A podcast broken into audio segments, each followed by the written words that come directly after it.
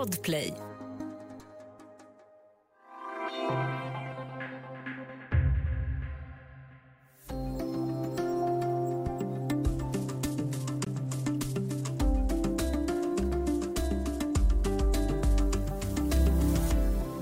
Låga löner, stora utsläpp och usla arbetsvillkor. Ja, prislappen för våra billiga kläder är ofta hög.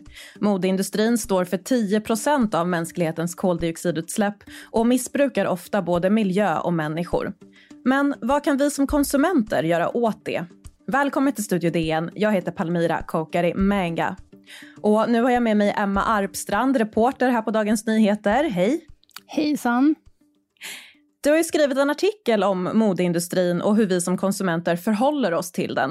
Eh, till att börja med, hur ser marknaden ut idag? Ja, men marknaden ser ut så att det finns eh, många globala kedjor som eh, finns eh, över hela vår värld, mer eller mindre. Och de eh, styr hela, hela marknaden. Och eh, det, de vill ju jättegärna utmåla sig själva som att de tar klimatfrågan på allvar, men det kanske inte alltid riktigt är sanningen. Och, och du själv, hur kommer det sig att du valde att skriva om just det här ämnet? Nej, men jag utgick ganska mycket från mig själv och jag eh, tänker att jag vill investera mer i mina kläder så att de håller längre och eh, kanske ja, men välja lite, lite bättre helt enkelt. Men så blir det ju ändå att man lätt faller tillbaka i gamla mönster och att man köper från de här globala klädkedjorna istället. Och då undrade jag helt enkelt varför. Varför gör jag det? Och eh, ville undersöka vilka mekanismer som ligger bakom och hur det kan, det här, de här klädkedjorna kan styra vårt beteende. Och när det kommer till stora kedjor, det finns ju lite olika typer. Det är de här klassiska liksom, stora butikerna som vi har sett i gallerior och sådär. Sen finns det företag som är helt onlinebaserade. Mm. Kan du nämna några olika exempel där? Ja, men det finns ju de klassiska liksom H&M och Lindex. Eh, och Lens, det är ju många stora kedjor som vi har här i Norden. Sen är väl H&M den som är den största globala kedjan. Och eh, Sara Eh, och det är ju det som man pratar om när man pratar om fast fashion. Sen finns det ju ultra fast fashion och det är ju de här onlineföretagen. Flera av dem baserade främst i Kina.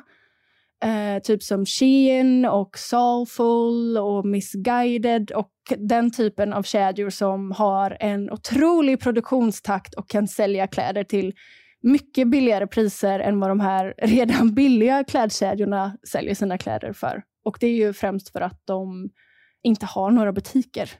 Det är en del begrepp som återkommer när man pratar om det här. Du nämnde fast fashion här till exempel. Om vi börjar med att gå igenom det, vad, vad är fast fashion för någonting? Fast fashion eh, är, ett ganska, det är ett ganska nytt begrepp. Det kom främst under 90-talet mycket med eh, klädföretagen och då att man beställde via kataloger. Och det är företag som massproducerar sina kläder, ofta har stora, stora lager av kläder och eh, ja, det är inte producerat på ett sätt där det är liksom, det ska vara anpassat för många. Det skulle man kunna säga är fast fashion. Ett annat eh, ofta återkommande begrepp är greenwashing. Vad, vad är det för någonting? Mm, det är ett begrepp som det har pratats mycket om de senaste åren, men det myntades faktiskt på 80-talet av en miljöaktivist. Och det betyder helt enkelt att företag, det kan, behöver inte bara vara klädföretag, men företag kanske försöker framstå på ett eller annat sätt, kanske med hjälp av falsk marknadsföring och försöka framstå som att de är mer miljövänliga än vad de är. Eh, hur kommer det sig att vissa företag kan, kan ha så pass låga priser som de har? Det är för att de har många gånger väldigt långa och komplexa leveranskedjor. Och många gånger så vet inte ens de som jobbar i företagen hur deras leveranskedjor och strukturer ser ut. Och det kan vara att bomullen odlas på ett ställe av en underleverantör. Sen skickas den vidare för att kanske färgbehandlas hos en annan leverantör och sen vidare till nästa som kanske trycker något mönster och sen så vidare till någon annan som ska sy ihop det. Och så är det otroligt liksom komplexa leveranskedjor fram tills dess att, att eh, plagget hamnar i butiken. Och eh, ofta så är det ju det är liksom inte klädkedjorna själva som anställer de här personerna som tillverkar produkten. Och då, då behöver inte de stå för vilka arbetsvillkor de har eller vilken lön de har. Och det produceras ofta i, i länder som inte har en lika bra arbetsmarknad eller arbetsvillkor för deras eh, medborgare som då kan leva på att de tar minimilön helt enkelt.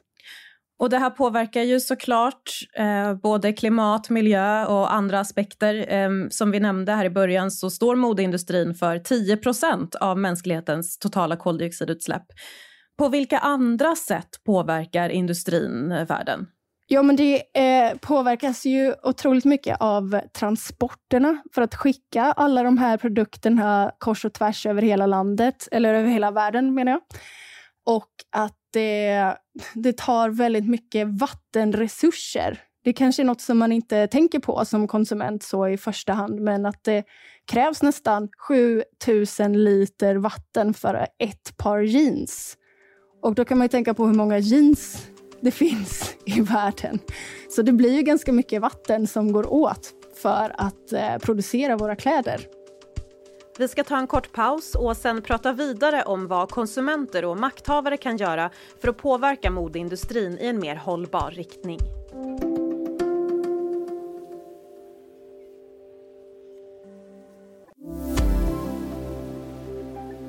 Du lyssnar på Studio DN idag med Emma Arpstrand om hur så kallad fast fashion påverkar världen.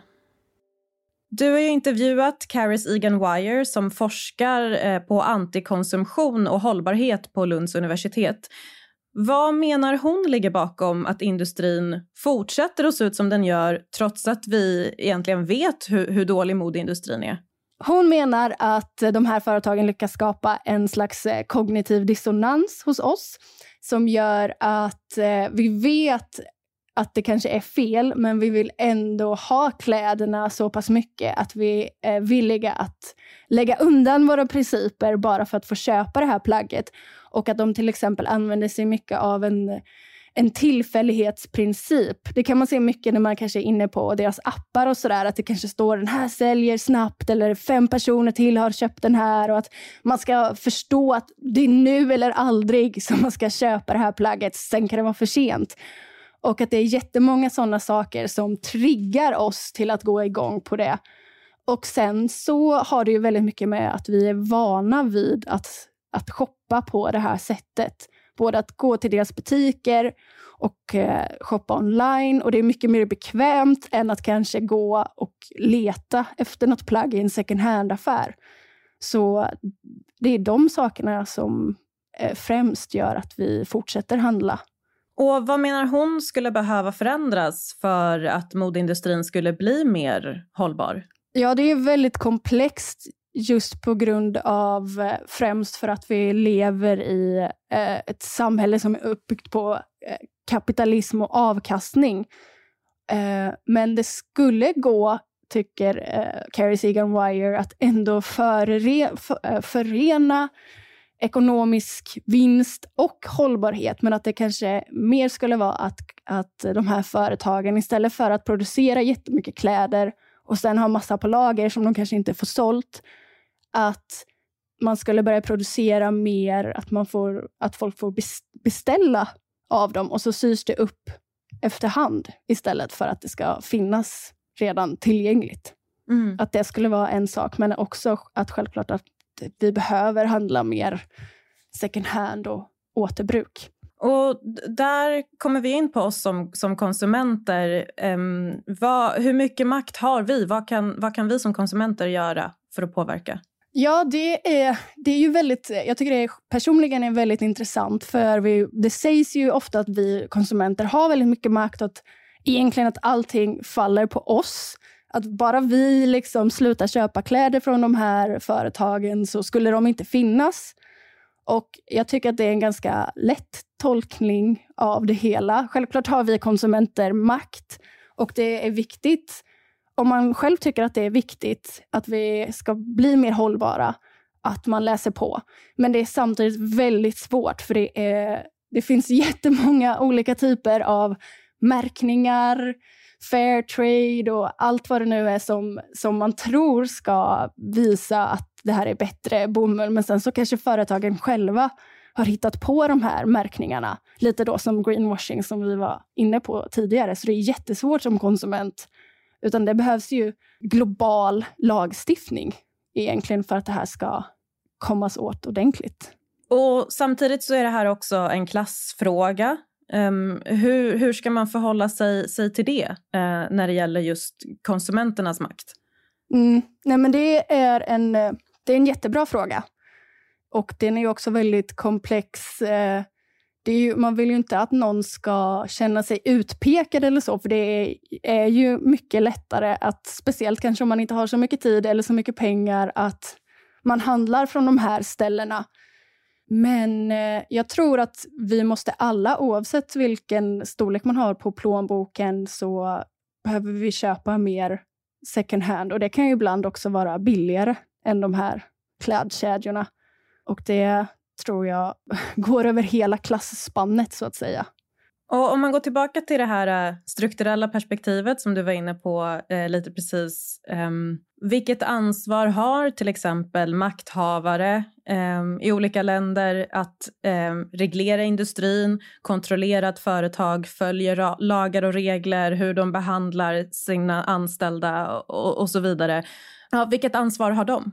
Ja, men de har ett jättestort ansvar, absolut det är ju ändå så att företagen går ju efter de lagar och regler som finns och ibland kanske eh, använder dem till sin fördel och hittar sätt att vara liksom, lagliga.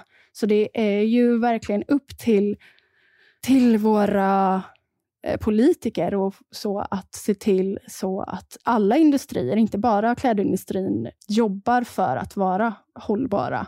För annars, de kommer ju kanske inte göra det av sig själva annars. Avslutningsvis, hur tror Carrie Segan Wire, uh, som forskar på det här området som du har intervjuat, att modeindustrin kommer att förändras de närmaste åren?